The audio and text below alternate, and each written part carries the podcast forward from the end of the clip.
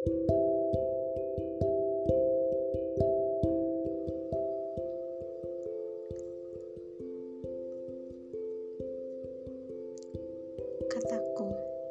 menolong diri sendiri.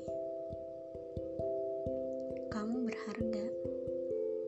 Kamu hanya perlu menemukan orang yang tepat yang membuatmu merasa lebih bersyukur, bukan merasa insecure. Kataku, stop membenci diri sendiri. Yuk kita coba untuk tak perlu mendengarkan hal-hal yang memang tak perlu kita dengarkan, yang kecuali di dalamnya ada kebaikan.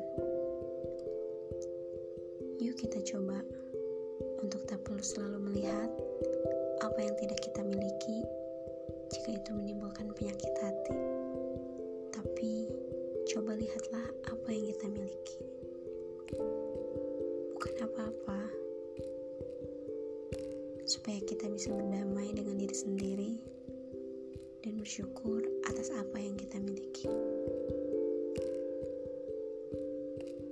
Ahad, 19 Juli 2020.